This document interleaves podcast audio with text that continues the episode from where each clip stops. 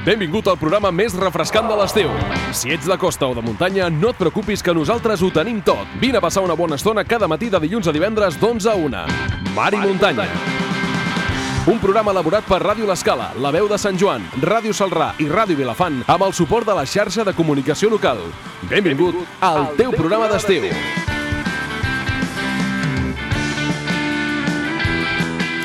Molt benvinguts, benvinguts al Mar i Muntanya, com diu la nostra veu en off. Uh, teni, ho tenim tot i, evidentment, ho tenim tot perquè som uh, vària gent, diversa gent, uh, fent aquest programa. Tenim els millors fent aquest programa, els millors que són uh, doncs, els companys de Ràdio Salrà, els companys de la veu de Sant Joan, els companys de Ràdio L'Escala, els companys de, el company de, de Ràdio Llançà i els companys també de, de Ràdio de, de Torroella de, de Montgrí, que, que deixeu-me que digui que, que aquest divendres ens posarem cara amb la companya de, de Ràdio Montgrí i la saludarem i, i podrem estar amb ella des de Torroella de Montgrí en directe. I també eh, tenim molta sort perquè tenim els millors aquí també a Vilafant. Tenim el nostre company eh, Josep López, bon dia. Molt bon dia, Mercè. I el nostre company Víctor Grau, benvingut, bon dia. Molt bon dia, Mercè. I qui us parla, Mercè Mainer. Uh, comencem a entrar en matèria perquè avui el Dia Mundial a mi especialment m'agrada. Deixa'm dir-te que m'agraden molt les danses tradicionals uh, catalanes, uh, sardanes, uh, tot Les això. tradicions, Les en general. tradicions, exacte. Explica'ns, uh, Víctor, per doncs, què estic eh, contenta avui. Estàs contenta perquè avui és el Dia Mundial del Folklore. La UNESCO va declarar eh, que aquesta data d'avui es commemori el Dia Mundial del Folklore, una eh, triada en record d'aquell 22 d'agost del 1846, quan l'arqueòleg britànic William J. Thorns va publicar a la revista indionenca eh, Ateneum una carta a la que per primera vegada va usar el terme folklore. Per això, al, al, al tenir aquesta relació amb el nom, es proclama aquest 22 d'agost, dia d'avui, eh, festa, bueno, Dia Mundial del Folklore, i és l'expressió autèntica d'un poble que abasta les seves tradicions, llegendes, costums, músiques o danses, i precisament la, aquestes peculiaritats eh, distingides a una cultura i que no es troben en una altra, no? És el que Exacte. distingeix una cultura d'una altra, aquest Aquí po- folklore. podríem dir que tenim les sardanes, tenim els castellers, eh, mira, estem precisament sentint una sardana, que és el, el foc de Castelló, eh, el poble d'aquí de, la- de l'Empordà, doncs eh, aquesta, aquesta sardana, himne de, del municipi, eh, no sé, vosaltres heu, heu estat en algun grup de, de, de, de, de part de folklore, sardanes, danses, eh, No. castellers, Mm, no? no. No? Però sempre està bé, no? A les festes majors, Bé, quan però- veus els A- castellers... amb una colla gegantera, els per gegants, exemple, no? El... Si més no, coneixem les llegendes, coneixem, coneixem les tradicions de, Exacte. de la nostra cultura, per tant, també estem involucrats en aquest folklore que podríem conèixer. Molt bé, molt bé. Ens ho passem molt bé, sempre. I del folklore passem a l'actualitat eh, passada. Què m'ha passat el dia com, com avui a casa nostra i, i al món? No, i al món en general Sí. també. Doncs mireu, perquè dic el món en general perquè ens en anem a Londres directament, a la primera efemèride. Ens en anem al 1932 i a Londres, quan la BBC, BBC realitzava els seus primers experiments a la televisió. És a dir, tal dia com avui, la BBC estava començant a fer els seus primers passos en el món de la televisió i avui en dia és una de les televisions més conegudes. El 1942 a Brasil es declarava la guerra entre Alemanya... Eh, perdó, Brasil declarava la guerra a Alemanya i a Itàlia. I el 1980 ingressava a l'Arxiu Municipal de Girona els fons de l'arquitecte Ricard, Giral i Casadesús. El 1995 entrava en funcionament el nou pont de vianants del carrer Lorenzana sobre el riu Unyà i el 1997 s'adjudicava a l'empresa Rubau Terrés les obres de rehabilitació del sector del Pou Rodó, de Girona. I el 2001 s'acabaven les obres de cobriment de la sèquia de Monar, del Monar de Girona i l'any 2004 hi va haver una efemèride ben important i és que al Museu Munch d'Oslo dos quadres de l'expressionista Edward, Mu Edward Munch, el Crit i Madonna, van ser robats en plena llum del dia. Ostres, el, el crit de Munch, qui no té present eh, la imatge de, del, del crit de Munch, que hi ha una emoticona de, de, de, de, del, del WhatsApp, doncs que és exactament molt semblant, exacte, eh? vindria a ser això, un homenatge gairebé en aquest quadre, però és que van ser recuperats dos anys després d'haver-los robat. Ostres, Mireu, el robatori es va produir un dimen- diumenge al matí quan dos homes fortament armats i encaputxats van interrompre el museu i es van endur tres quadres. El crit, Madonna i un altre que en el moment no va ser identificat. Les obres podrien ser eh, estar valorades entre uns 100 milions d'euros i el director del Museu Nacional, Sun Nord- Nordgren, va dir que tenien l'esperança d'això, de recuperar-los, perquè veien difícil que, difícil que en el mercat negre es pogués eh, vendre aquests quadres doncs, perquè eren molt populars i fàcilment serien identificats. Però tal com us deia, no va ser fins dos anys més tard que la policia noruega va trobar els dos quadres eh, que els va trobar, van ser robats per dues persones. Les obres eren de les més famoses de l'artista, com us dèiem, eren la Crit i la Madonna, i segons va informar el, el 21 d'agost de l'any eh, 2006, el, el, en el diari Dagbladet de- d'allà, un lladre de, eh, de bancs noruecs va oferir la devolució de tots els quadres a canvi d'una reducció de la seva condena. O sigui que, ja veieu, ben interessant aquesta anècdota, si més no, del, dels quadres d'Edvard Munch.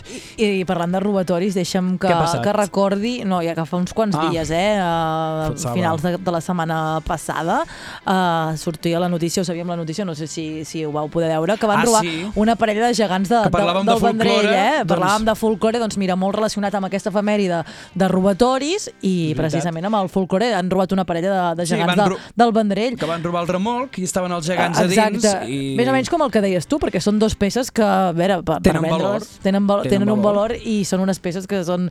Bé, eh, no, qui comprarà uns gegants, no? No sé, no, jo no els tindria... Et sorprendria, Mercè, la gent el que A la meva també. habitació no Sí. els tindria per, de, per decorar uns gegants, no? Però bueno, no sé, ja ho veurem. Bueno, Fem una cosa... Des eh, d'aquí, des d'aquí eh, donem tot el suport a la gent del Vendrell i Exacte. esperem que ben aviat els recuperin i que tot hagi quedat en un ensurt i doncs això, que els puguin recuperar. Perdona que he interromput la teva gran secció dels Sants, perdona. Bueno, encara quedava una efemèride, eh? Quedava una- retallat encara una efemèride Ah, i tot. perfecte, perfecte. El 2016 moria el periodista i escriptor gironí Narcís Jordi i Aragó als 84 anys. Ell va ser redactor en cap de la revista Vida Catòlica, va dirigir el setmanari Presència i també fou corresponsal del Teleexpress. I ara sí, la meva gran secció, els Sants. Va, Aviam. digues, digues, a veure, què ens És que em sorprendràs faria avui? il·lusió que llegissis algun... Fem, podem fer... Jo llegeixo un, tu llegeixes Va, vinga, un va, altre. vinga, va. comences tu, No està preparat, això, eh? Santa Maria Magdalena. Sant Anastasi de, Su de Suània. Sant Ciril d'Antioquia. Sant Gualteri de Lodi. Sant, Gerona, Sant Jeroni de Pàvia. Sant Maneleu de Manat. Això t'ho has inventat. Sant Plató d'Encira. Santa Cinques de Philips. Santa Cíntiques de Filips. I aquest últim li farem llegint en Víctor. Vinga, Víctor. Ostres, Víctor, vinga. Sant El-. Vandregilsil de Fontanella. Ho he dit bé, Mercè? No ho sé. Sí, sí, ho has dit bé. doncs molt bé, Tens molt una bé. categoria més que, que, no pas, que no pas jo. Uh, ara el que volem fer és posar-hi una mica de música.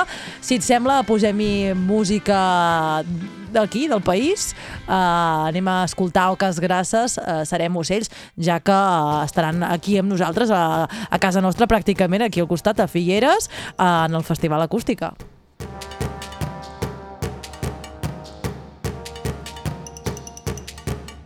amunt, si encara hi ets és un plaer haver aguantat la vida amb tu ens ha ajudat al fons en tot és fosc quan ho veiem tot perdut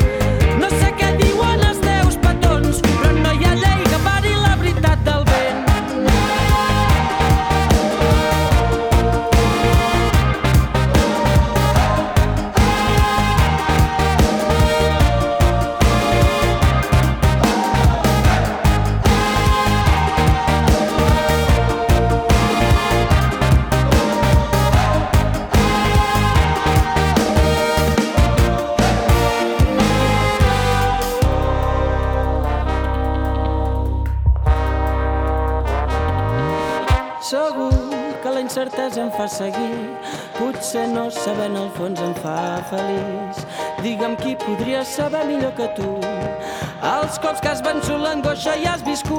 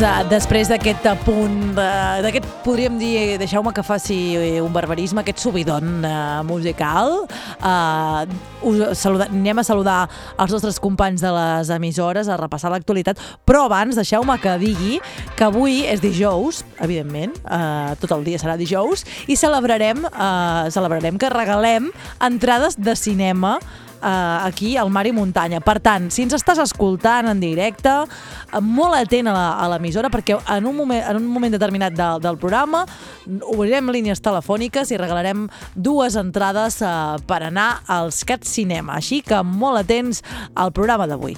Ara sí, anem a l'actualitat, comencem anant cap a muntanya, a veure si també els ja ha pujat la temperatura o com, eh, com estan, eh, quin és l'actualitat que, que hi ha a Sant Joan de les Abadesses. Anem amb el nostre company Guillem Planagumà des de la veu de Sant Joan. Bon dia, Guillem. Molt bon dia a tots i totes. Doncs des de Sant Joan eh, de les Abadeses, des del Ripollès, avui estem eh, pendents de, primer de tot de la detenció d'un home doncs, que havia robat amb força en vuit domicilis eh, del Ripollès. És un home de 33 anys, relacionat amb delictes també a Camprodon i a Sant Pau de Segures, i es busca a la resta de la que seria el seu grup doncs, eh, criminal, per així dir-ho, els Mossos d'Esquadra, eh, de la Divisió d'Investigació Criminal, de la regió metropolitana sud van detenir doncs, eh, aquesta setmana passada, el dia 9, un home que pertanyia a un presumpte grup criminal que havia participat en vuit robatoris amb força en diferents domicilis del Ripollès. Com us dèiem, un home de 33 anys, que juntament amb més persones doncs, que formen eh, presumptament aquest grup, és el eh, presumpte autor d'11 robatoris en habitatges entre el juny del 2008 i el maig eh, de- d'enguany. A més, els vuit robatoris perpetrats al Ripollès, que es van produir el maig del 2019 a Camprodon i Sant Pau de Segúries, els investigadors també relacionen aquests tres robatoris comesos eh, amb, alt, amb un altre a Sant Cugat del Vallès i dos al Maresme, tots en domicilis eh, particulars.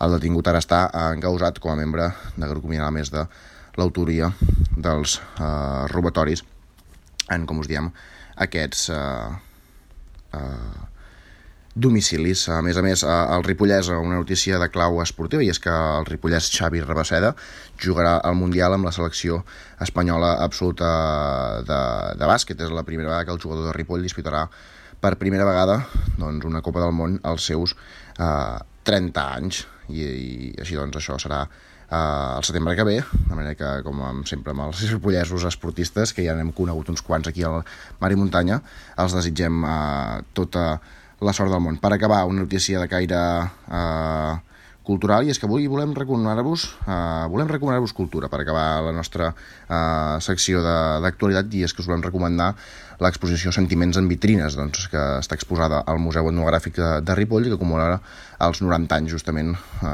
d'aquest eh, museu etnogràfic tot i que fa més de 100 anys que va començar la història del museu com a tal, no? en, en tant que arxiu, eh, va ser l'any 1929 quan se'l reconeix eh, com a tal, com s'instaura com a, i s'inaugura com a, com a museu. Així doncs, Sentiments en vitrines és l'exposició que acull el Museu Etnogràfic de Ripoll, com us diem, que commemora aquests 90 anys d'història del, del museu. La mostra es va obrir al públic el passat 9 d'agost i tot i que el museu fa més de, com us dèiem, doncs gairebé una, més d'un segle que està obert, no va ser fins al 29 quan se'l va reconèixer com a tal i és això justament el que se celebra i això és tot fins ara des de, des de Sant Joan, des, de, des del Ripollès.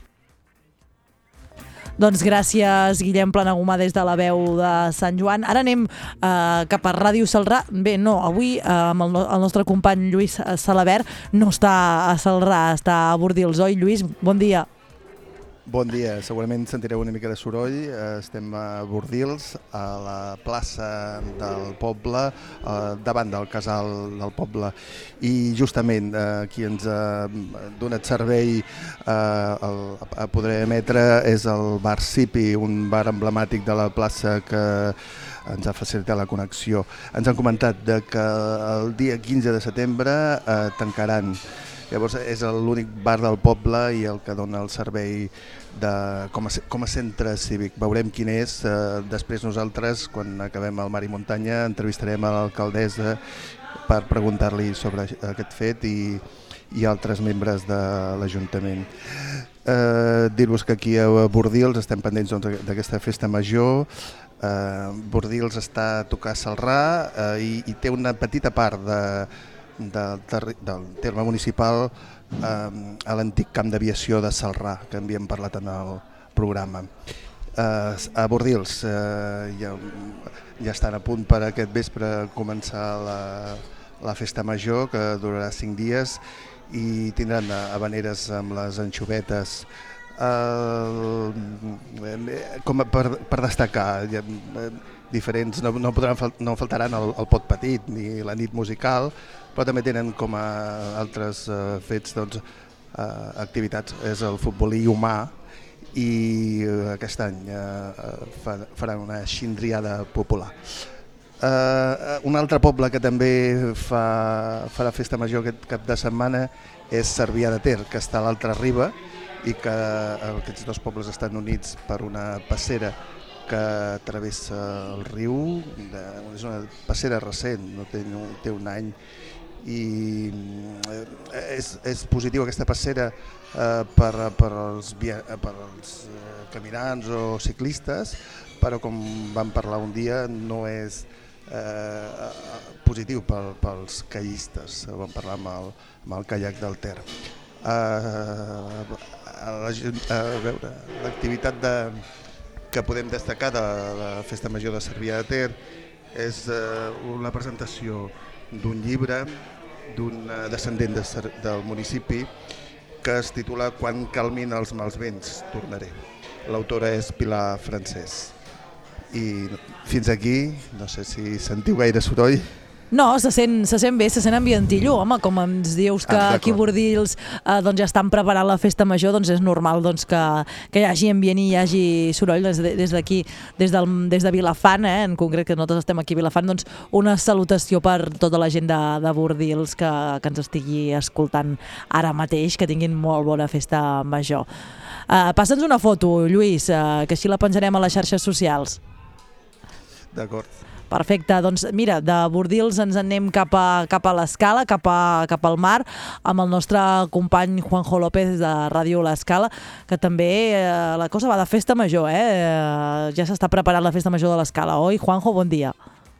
Bon dia, Mercè. Sí, sí, ja, ja l'estem preparant, ja, ja és pràcticament aquí. Esteu tots convidats un altre cop, però com em torneu a fer el lleig de les habaneres, eh, ja no us convido més, eh? Ja vindrem, Segur, Juanjo, ja muntarem una excursió a Mani Muntanya amb el Fort Cuga de Fort Garatge Central i vindrem a la Festa Major de l'Escala, va. Així m'agrada. Doncs sí, va, anem a parlar de les primeres activitats a la Festa Major de l'Escala d'aquest any 2019. Doncs com dèiem, a les portes d'una nova festa major, l'Escala acull des d'aquest divendres els primers actes previs de la festa, dos de caràcter esportiu i dos més culturals i festius. El tret de sortida el donarà com cada any el Club Atletisme a l'Escala i Empúries amb la marxa nocturna de l'Anxova, que enguany celebra la seva desena edició. La caminada popular no competitiva celebrarà el divendres 23 d'agost i vol aconseguir que els participants gaudeixin en família d'una sortida nocturna a peu en un indret únic i privilegiat.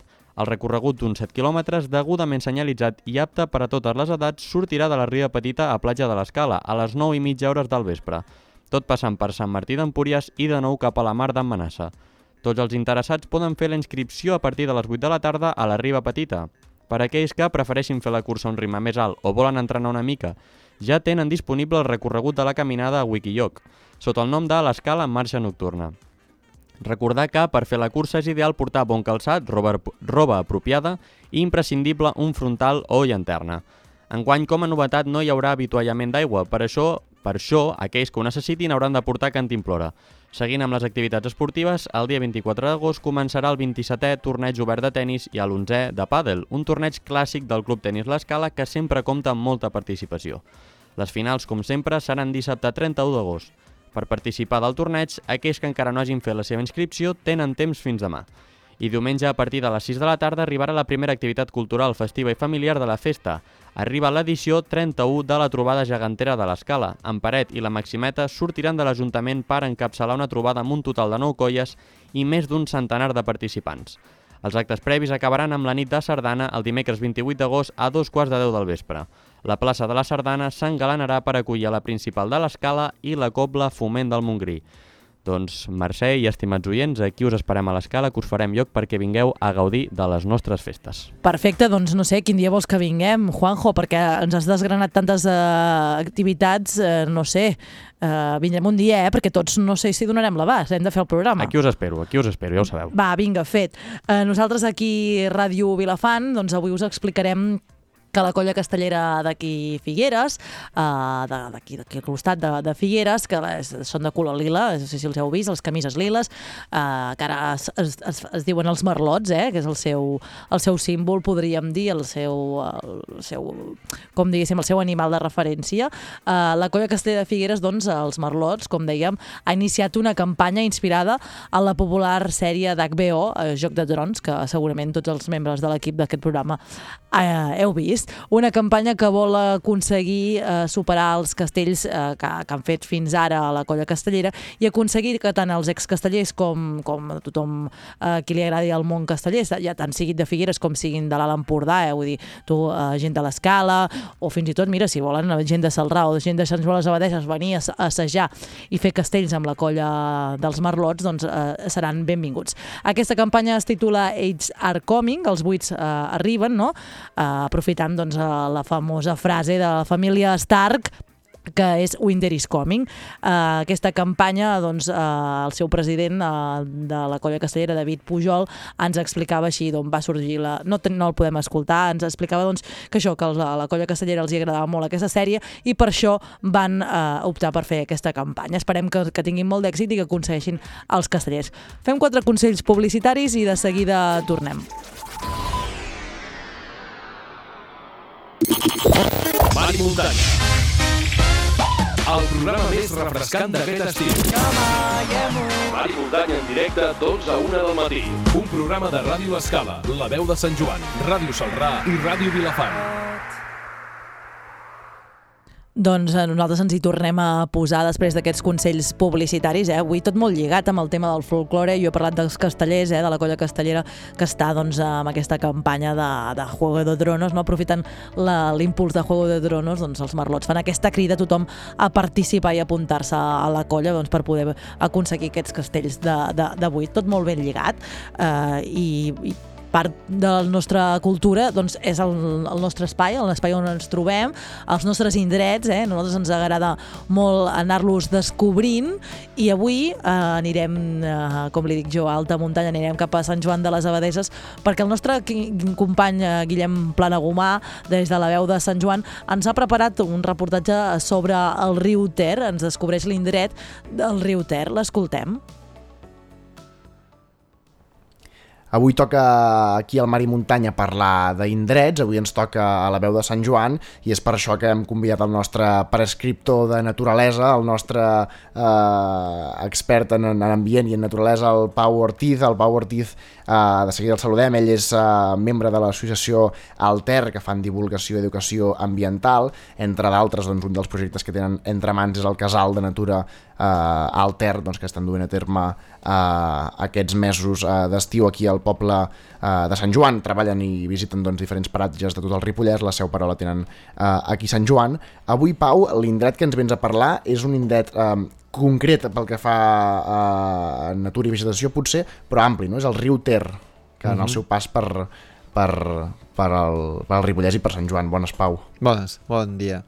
Doncs sí, el, el riu Ter um, bueno, travessa la comarca de nord a sud i passa per Sant Joan llavors doncs, eh, té diferents espais i ha estat ha vertebrat el paisatge i ha vertebrat fins i tot la societat durant, durant, durant segles en aquí a la comarca i també a Sant Joan, està clar. Molt bé, el riu Ter eh, té 200 quilòmetres, una mica més de recorregut des de que neix a Ull de Ter, aquí al Ripollès, fins que mor eh, a Pals, eh, passa també per Ripoll, on s'ajunta amb l'altre gran riu de la comarca del Ripollès, que és el, el Freser, en el Ripollès, doncs, des de, com dèiem, des de Ull de Ter Ter fins a Ripoll, que ja passa a ser Osona després, no? eh, té uns 50 quilòmetres de recorreguts. Un dels eh, indrets, un dels paratges que en el seu pas del, del riu Ter per, uh, per al Ripollès i pel nostre poble, per Sant Joan, que potser és més conegut uh, tant per visitants com també per gent de fora, és el Gorg de Malatosca. Uh, el Gorg de Malatosca, no, que en parlàvem aquí al Mar i Muntanya també, uh, un lloc doncs, uh, familiar perquè és molt agradable per banyar-se, és molt maco a nivell de,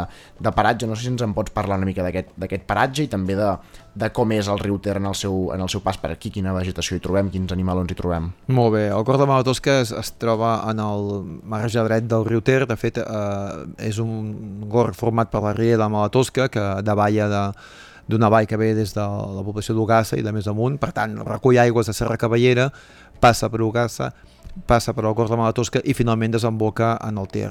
Llavors és eh, realment un gorg ample i maco amb un gran salt d'aigua i actualment amb uns accessos que fa, facilita que la gent el pugui, el pugui visitar i s'hi pugui banyar i s'hi pugui refrescar.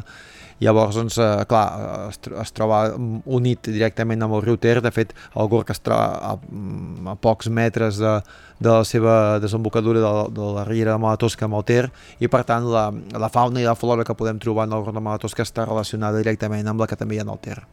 Molt bé, i exacte, just és això, no? que és molt concorregut eh, per, per visitants. A vegades potser que no ens trobem un paratge eh, tan maco, tan acollidor eh, i tan eh, bé, no, natural, però alhora, com deies tu, amb aquests accessos tan accessibles que hi ha eh, avui en dia, potser a vegades ens oblidem, no? però al Gorda de Tosca hi ha un gran ecosistema, no?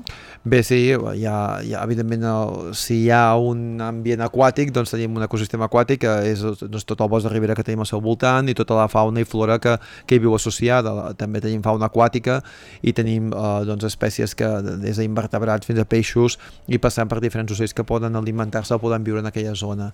Llavors, doncs, clar, la, la freqüentació mm, eh, és interessant perquè la gent pugui veure i conèixer-ho, però cal, cal recordar que cal, ser eh, correctes i eh, respectuosos amb l'entorn i això no sempre, no sempre passa. Aquí, eh, tant eh, si són al Gorg de Malatosca com no, al llarg del, del pas del Ter al Ripollès, quins, suposo que potser hi ha diferents tipus d'ecosistemes, eh, així en general, o no tant en general, si ens en pots dir els diversos, quins animals hi podem trobar? Quins animals són més fàcils de veure? Quins no ho són tant, però sabeu que hi són? Bé, mm, si ens centrem a Sant Joan tindríem un ecosistema més homogènia perquè estaríem en, en un tram similar de, del riu Ter, i llavors doncs, eh, podem, podem citar una fauna més similar. Eh, si anem més amunt i anem set cases amunt, el riu Ter ja canvia bastant perquè estem a alta muntanya. Aquí a, a Sant Joan doncs, eh, podem trobar espècies eh, doncs, eh, boniques i emblemàtiques com el, el blauet, per exemple, que és eh, un ocell estupendo, com diu el seu nom és de color blau, també té taronja, i el blau és una mica fins i tot verdós, és un animal que és capaç de pescar peixos petitets, i llavors es, es posa damunt d'una branca a sobre de l'aigua i el que fa és mirar aviam si passa algun peix i si passa algun peix es llença de cap dintre l'aigua i amb el seu bec llarg els captura com si fos una llança en torna a sortir de l'aigua i dalt de la branca doncs, eh, se'n passa el peix. És un, és un espectacle tant per colors com per la forma de, de viure molt bé. Mamífers en trobem? Sí, sí, mamífers també en podem trobar uns quants. Com a mamífer um, de, de, de riu, eh, doncs la, les poblacions de llúdriga s'han anat recuperant i en el Ter doncs, ara en tenim forces i doncs, aquí a, a la zona de Sant Joan doncs, se'n poden veure. Jo tinc una experiència personal que aquest eh, mes de gener em vaig poder veure un parell doncs, a, a la zona de la colònia Llaudet i doncs, vaig poder veure una bona estona estaven a força distància de mi, els, els miraven prismàtics, però les, les vaig poder veure una bona estona com entraven i sortien i mm, aquests animals es mouen d'una manera que semblen, sembla que juguin, sembla que puguin estigui, que estiguin a la piscina a l'estiu nosaltres, doncs ells estaven en el riu en ple gener i entraven i sortien com si fos l'estiu, no tenien cap problema i anaven, doncs entenc, doncs, o capturant o refrescant-se o fent capbussades des del meu punt de vista, que és el que ja podia veure jo.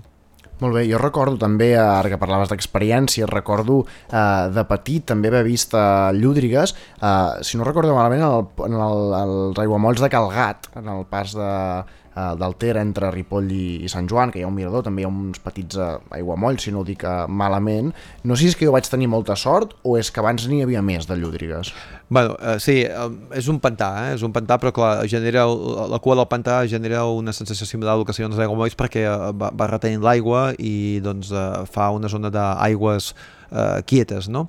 Um, antigament sé que n'hi havia de llúdrigues, sé que n'hi havia forces, Um, no, no, no tinc dades, no, no sé comparar-ho, uh, però sí que n'hi havia. Jo crec que si de petit em vas veure, doncs uh, jo crec que ets bastant afortunat, perquè justament uh, no fa tants anys que van començar a introduir la llúdriga a la zona de, de les aiguamolls de, de, de l'Empordà i a partir d'aquí i a canvi també de les, de les millores de les condicions de les aigües dels rius ha anat expandint-se fluvià amunt, terra amunt i ha arribat fins, fins aquí i ha pujat més amunt doncs, tot, el, tot el tram del riu Ter. Així és que jo trobo que va ser una, una escena molt bonica la que vas veure. Molt bé, i sempre, ara que dius això doncs, que s'han uh, introduït uh, aquesta espècie, a vegades sembla que, totes les notícies que ens venen de... Uh, d'animalons com aquests que potser veiem menys sovint siguin gairebé negatives, no? De, uh, no sé, en el seu moment potser havíem vist uh, gats salvatges, linx aquí al Ripollès i sembla que cada cop n'hi ha menys, que estan a punt d'extingir-se, el llop també sembla que ara, ara, ara, ara, ara n'hi ha més, ara n'hi ha menys, l'os, uh, però sempre passa això o, o a vegades hi ha bones notícies que aquests, aquestes uh, espècies per exemple que et comentava, no? el llop, l'os uh, el, uh, el gat salvatge Bueno, mm, primer de tenir en compte que qualsevol població d'animals té fluctuacions, o sigui que pugen i baixen, i per tant doncs, hi ha moments que n'hi ha més i hi ha moments que n'hi ha menys. També les condicions ambientals han anat canviant amb el temps. Um, hem passat de, de fa uns 70 anys de pràcticament que no hi havia boscos en, a tot Catalunya a que tenim una, una superfície forestal molt gran i això doncs, va, fa, canviant, fa canviant les poblacions d'espècies de, de, animals. Clar, per mi va ser una sorpresa quan, em van, quan vaig saber doncs, que als anys 60, als anys 1960 aproximadament, el porc senglar era una espècie que estava en perill d'extinció. Uh, clar, sobte, no, ara? Perquè els senglars hi ha per tot arreu i fins i tot entren a les poblacions, a les ciutats. Bé, un dels avantatges que ha tingut el senglar és la recuperació de les masses forestals, que eh, és on s'hi ha pogut refugiar. Això també li passa al cabirol, i llavors eh, això també pot afavorir altres espècies. Eh, llavors els depredadors són les espècies doncs, que potser es recuperen més lentament perquè depenen de, de les primeres, és a dir, eh, és una piràmide tròfica en què la base és la, la producció vegetal, després teníem els herbívors i finalment els carnívors. De carnívors sempre la població és més reduïda perquè dependrà de, de la quantitat d'herbívors que hi hagin.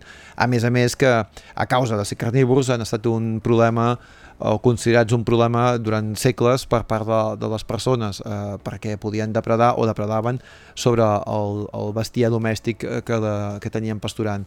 Llavors, doncs, eh, les poblacions de carnívors han estat eh, reduïdes a causa de la pèrdua de preses, per un costat, durant tot molt de temps i per la persecució directa per part de les persones. Llavors, actualment mm, la situació és eh, diferent i eh, comença a haver-hi més presència de depredadors. Linx, que jo sàpiga, eh, no en tinc notícies, jo personalment no ho sé si n'hi ha, crec que si n'hi ha és una població super escassa, n'hi ha molt poquíssims, molt pocs. Gat salvatge sí que hi ha una població eh, que va fent. El gat salvatge per és un animal molt i molt tímid i és difícil de, de veure eh, i de, de poder detectar. L'os aquí a la comarca mm, no es tenen tampoc unes referències que jo sàpiga que siguin fiables de que eh, n'hi hagi, potser n'hi ha hagut algun que ha passat, a partir de les reintroduccions que es van fer eh, per part dels francesos a la zona més propera a la Vall d'Aran i al Pallars, i que llavors s'han pogut expandir fins aquí i el que sí que s'està recuperant però molt lentament és el llop. El llop per això té una presència actualment esporàdica.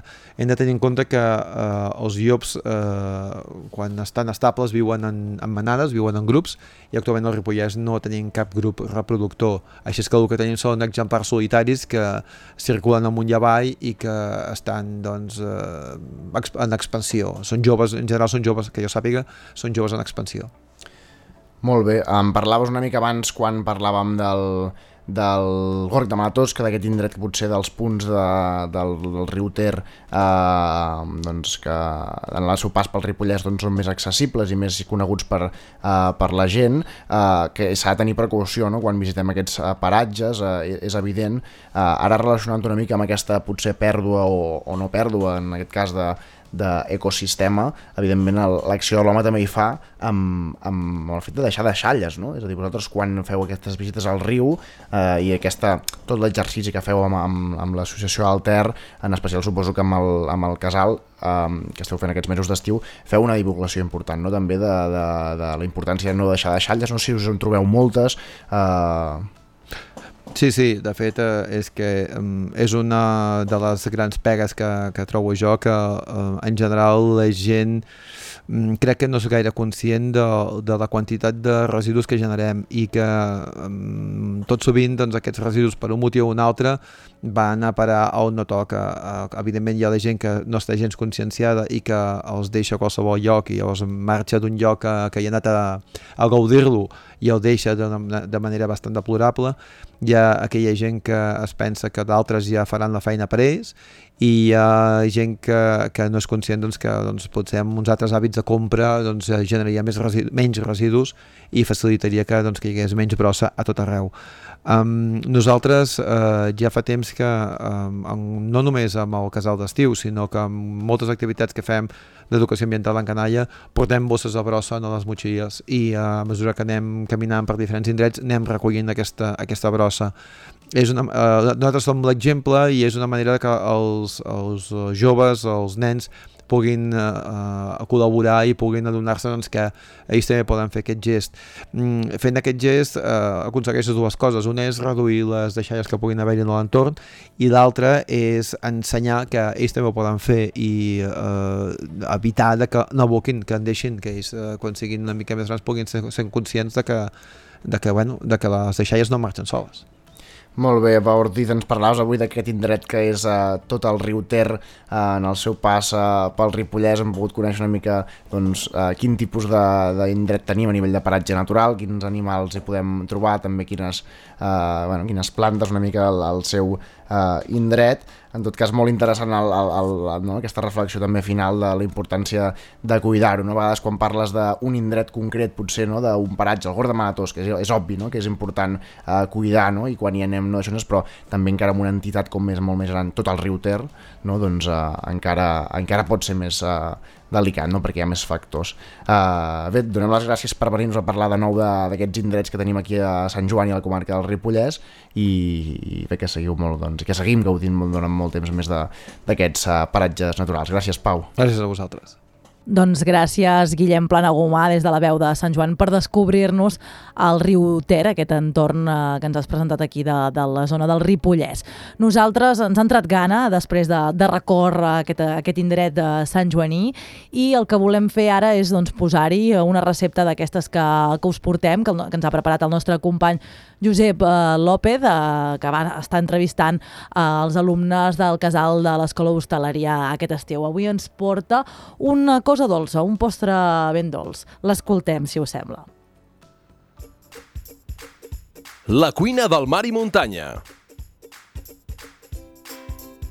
Avui de nou ens en anem a l'Escola d'Hostaleria de l'Alt Empordà, en el seu casal d'estiu de cuina i pastisseria, per conèixer un postre d'allò més exquisit, una tartaleta de llimona i merenga. I en aquest cas ens la presenta l'Alba Bonal, una alumna de 14 anys. Agafeu paper i boli i apunteu aquesta magnífica recepta. Els ingredients.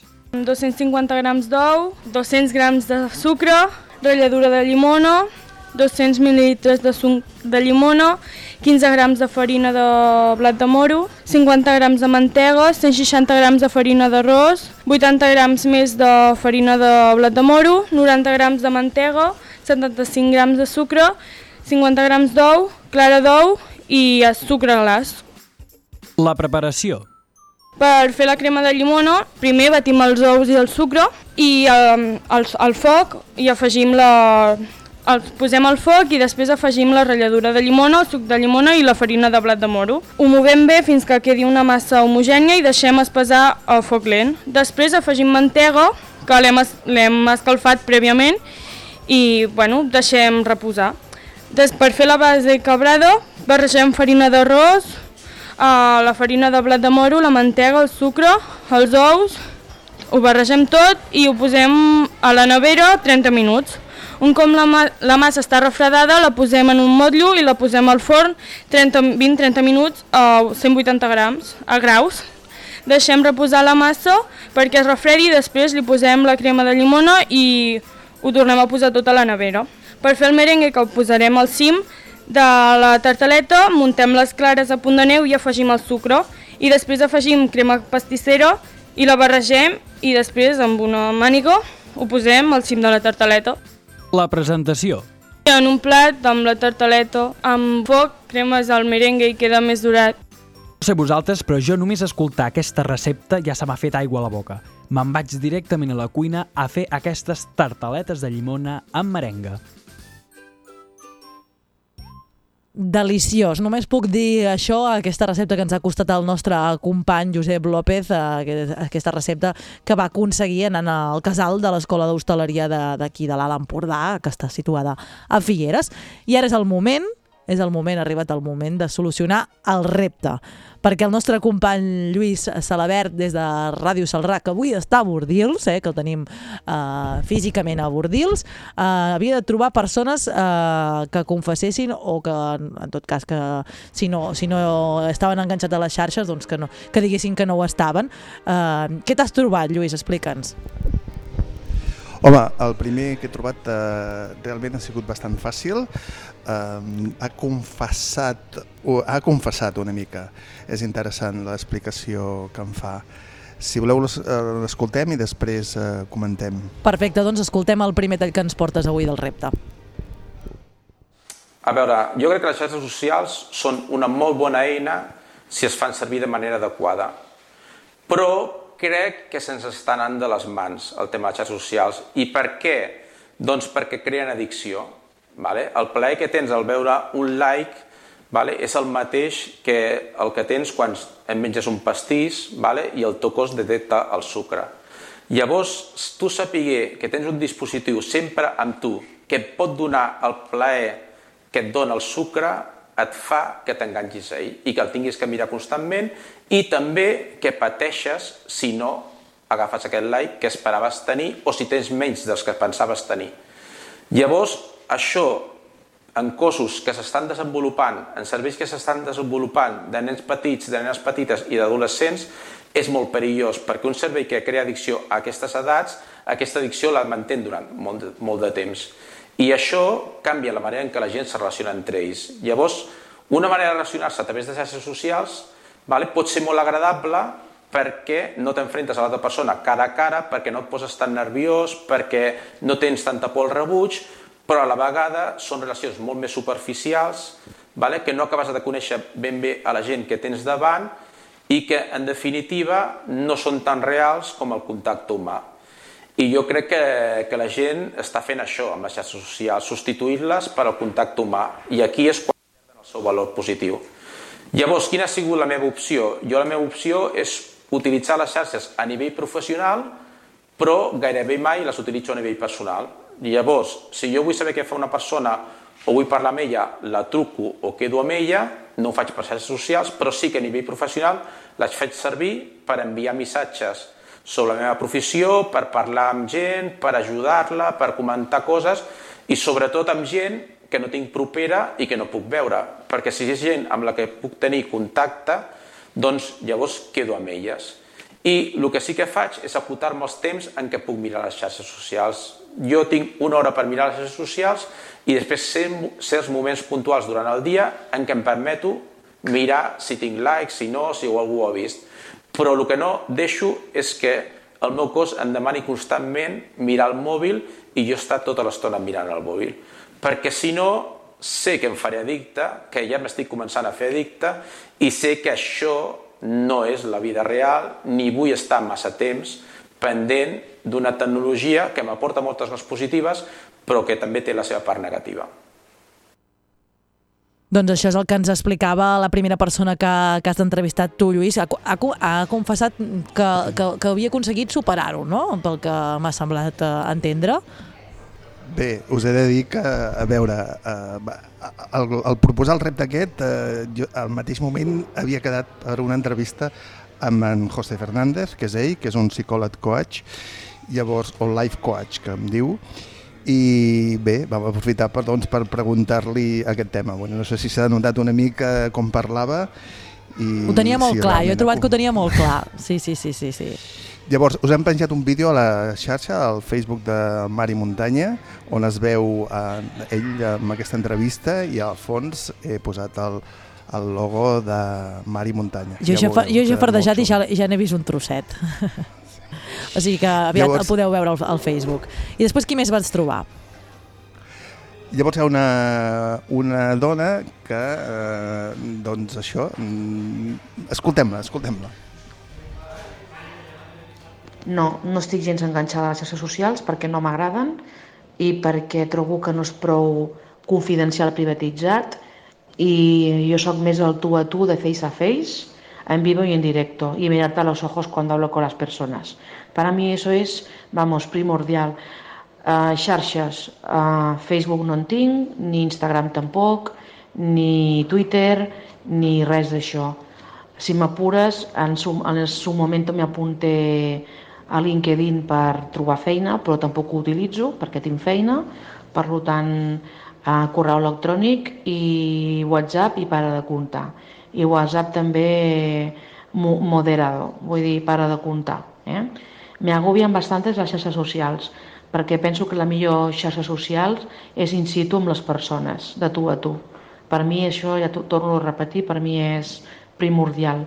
A més, no és el mateix veure una cara, la cara de la persona quan t'expressa i quan parla i les emocions que a través d'una pantalla. No té res a veure. Per tant, continuo dient que face a face, en vivo i en directo. M'encanta aquest en vivo i en directo, eh? perquè es podria aplicar al programa de ràdio. Eh? per això gràcia, tenim Lluís. tantes ganes per això tenim tantes ganes de veure'ns els divendres. Exacte. Eh? Exacte, podríem, doncs, podríem dir que el nostre programa és com una xarxa social, no? Uh, perquè uh, no ens veiem però ens comuniquem, no? Uh, està, està, el que passa que estem en, en directe i utilitzem les xarxes socials també per, per comunicar-nos, no? Uh, molt bé, re, uh, repte assolit, Lluís, uh, gràcies. Oh, aquest, aquest ha sigut més fàcil que l'anterior, eh? Sí? Recordeu que l'anterior era buscar, gràcies, gràcies als aplaudiments, era per era buscar una persona que cantés. Allò va ser més complicat. Va ser... ha sigut molt però te'n vas en sortir també, vull dir, molt bé, molt bé. Sí, sí, sí, però algú que canti, canti més o menys bé, doncs... Eh... bueno, però encara que no cantés bé no passava res, així arribíem tot, home, no passa res.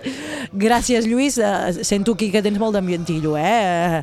No sé si, si hi ha alguna cosa de festa per aquí, uh, et deixem que, que puguis esbrinar-ho. Nosaltres, si et sembla, posem, abans d'actualitzar-nos amb els companys de la xarxa de comunicació local amb el butlletí de les 12 i posem una miqueta de ritme d'aquest eh, que ens fa entrar ganes de, de ballar.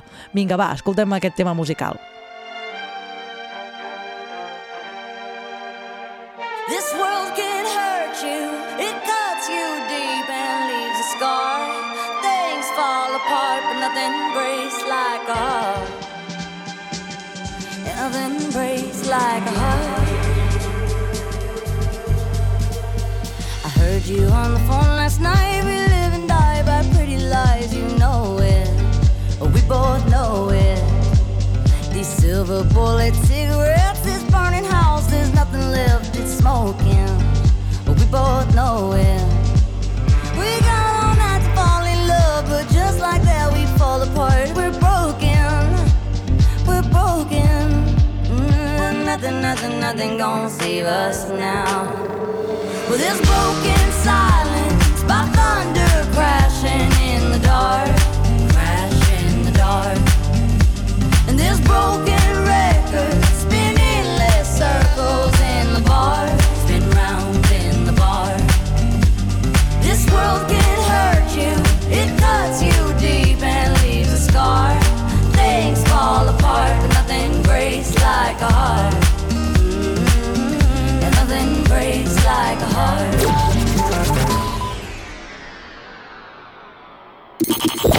Mar i muntanya. El programa més refrescant d'aquest estiu. Mar i muntanya en directe, 12 a 1 del matí.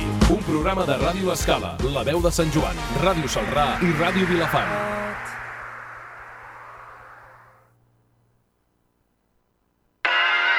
Doncs ara el que volem fer en aquest espai que tenim els dijous, en aquest espai de xarxes socials, avui, en lloc de parlar de youtubers, parlarem de la importància del posicionament a les xarxes, no? d'estar ben posicionats a les xarxes i de què és tot això, com ho podem fer per, per millorar-ho. Per això ens en anem cap a Sant Joan de les Abadesses perquè el nostre company Guillem Planagumà ja té el pròxim convidat. L'escoltem. Doncs bon dia, avui us eh, saludem des de Sant Joan. Aquí eh, sabeu que de, dels pobles i de les comarques que formen el mar i muntanya nosaltres eh, sempre ho diem, no? ens defensem com la més petita i en aquesta secció en la qual parlem d'influencers, eh, youtubers, instagramers, ens vam adonar que després de fer un parell d'entrevistes més que ja no en quedava gaire més, ja no en quedaven gaires més. Aleshores, eh, ho hem subvertit una mica, no? i hem volgut anar una mica més a l'arrel d'aquesta feina, aquesta nova professió que és ser influencer o ser youtuber, i hem volgut parlar amb algú que ens pot dir eh, com neix aquesta feina, no? i com, com, com funcionar aquesta eina i com, sobretot, tenir èxit no? en aquesta feina, no tan sols en, en l'aspecte més d'Instagrammer, sinó també en l'aspecte més de màrqueting, de posicionament digital. Tenim aquí l'estudi de la veu a l'Aleix Calvalleria, aquí saludem, hola, Aleix. Hola, bones. Tu, Aleix, uh, formes part, bé, ets fundador i director i president de, de 9 de 10, la teva empresa que us dediqueu a això, no? màrqueting de- digital, posicionament web, uh, gestionar anuncis de, de, de Google, tota una mica aquesta, aquesta sèrie de paraules, amalgames i manlleus i uh, neologismes anglesos que potser a vegades costen fins i tot d'entendre, però que gen generen una idea general a, a, a Sí, l'oient. sí, exacte, ho has dit, uh, ho has dit molt bé. Sí, hi ha moltes paraules angleses, però no per, per un tema de pedanteria, sinó perquè el nostre idioma, sigui quin sigui, eh, amb aquestes coses està una mica limitat i hi ha moltes, molts conceptes que encara no tenen una traducció com a tal i suposo que s'acabaran quedant amb la seva versió anglesa. Molt bé, parlàvem això, eh, no? que us dedicàveu a aquest posicionament digital, a aquest Mhm. màrqueting eh, web o- online. Vosaltres, si bé és cert que tampoc eh, treballeu o no directament amb, amb influencers o amb, amb Instagramers, sí ho feu amb, amb, amb tot tipus d'empreses, no? algunes més eh, digitals, altres més eh, analògiques de tota la vida. Em comentaves molts comerç, molts e-commerce, no? Sí, I sí, sí, Què, què vull feu una mica, aviam, que la gent ho entengui? Sí, però seria bastant... Nosaltres, com bé has dit, ens dediquem principalment a pàgines web. Si bé és veritat que els conceptes i les bases són aplicables en un 90% pràcticament en el que serien influencers avui en dia. No? Nosaltres ens dediquem doncs, a que és a donar bombo, parlant en plata, a les pàgines web. El més senzill és posar un exemple, no? Si tu tens una pàgina web per la, per la teva botiga que ven discos, per exemple, no? I t'interessa, doncs, vendre'n més dels que vens físicament i et crees una pàgina web, un e-commerce.